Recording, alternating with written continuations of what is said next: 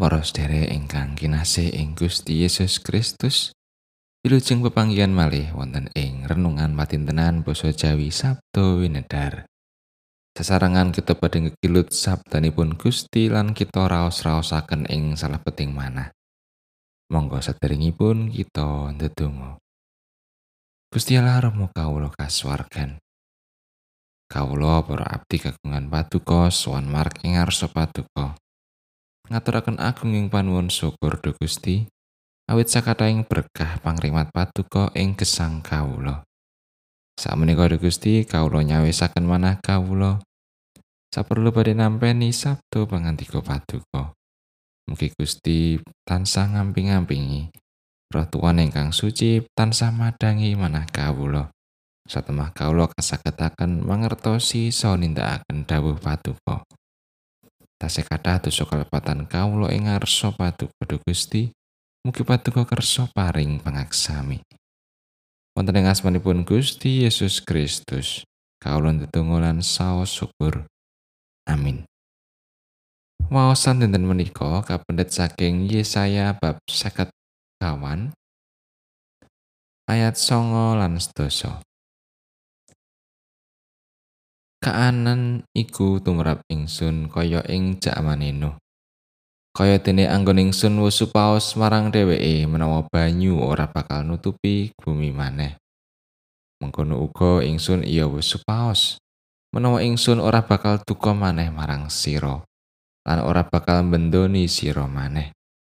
Sebab sanadyan gunung-gunung padha ngalih lan tengger-tengger padha gunjing, nanging sih susudaning sun ora bakal ngalih saka ing sira. Tuwin prajanjian karukunan paring sun ora bakal owah kingsir mangkono pangantikane pangeran Yuwah kang paring sih palimirmo marang sira. Makatan pangantikanipun Gusti ayat na saking ayat sedasa.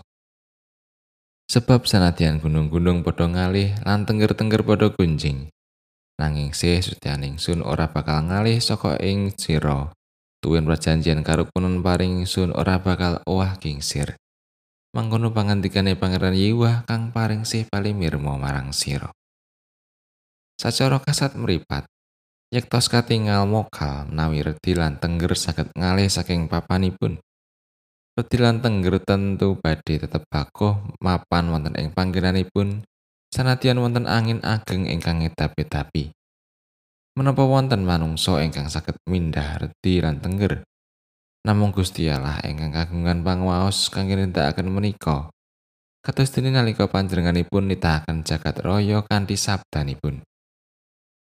Pangandikanipun Gusti Allah menika saestu nggambaraken sih sustyanipun saha prastyanipun ingkang ngedapi-dapi. Satemah agung lan santosa katresnan soprastyanipun Gusti Allah. Pitados dhateng sesutyanipun Gusti Allah ingkang boten ewah kingsir, dados daya tumrap gesang kita. Wonten ing pakaryanipun Sang Kristus kita saged nyumurupi anggenipun sampun paring tulodo. Margining salib nedahaken bilih panjenenganipun sumadyo nandang sangsara lan sedo nanggel dosaning jagat. Lajeng wungu malih saking tawising tiang pecah. Supados jagat lan manungsa saged nuju dumateng karahayon. Gesang lan pakaranipun Gusti Yesus menika minangka wujud nyata.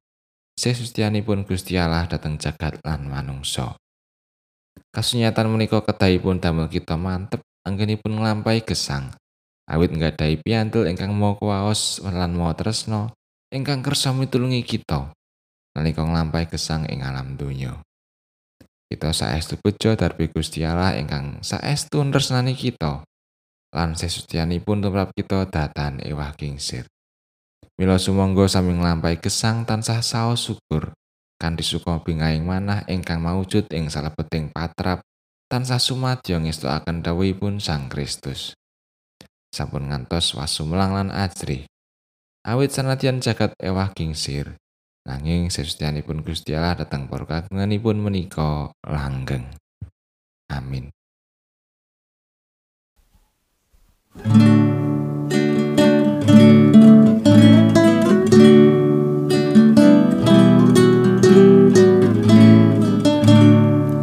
Sumangga prokatang misu nglungsungkan kesal ngayahi timbalan karyaning pangeran.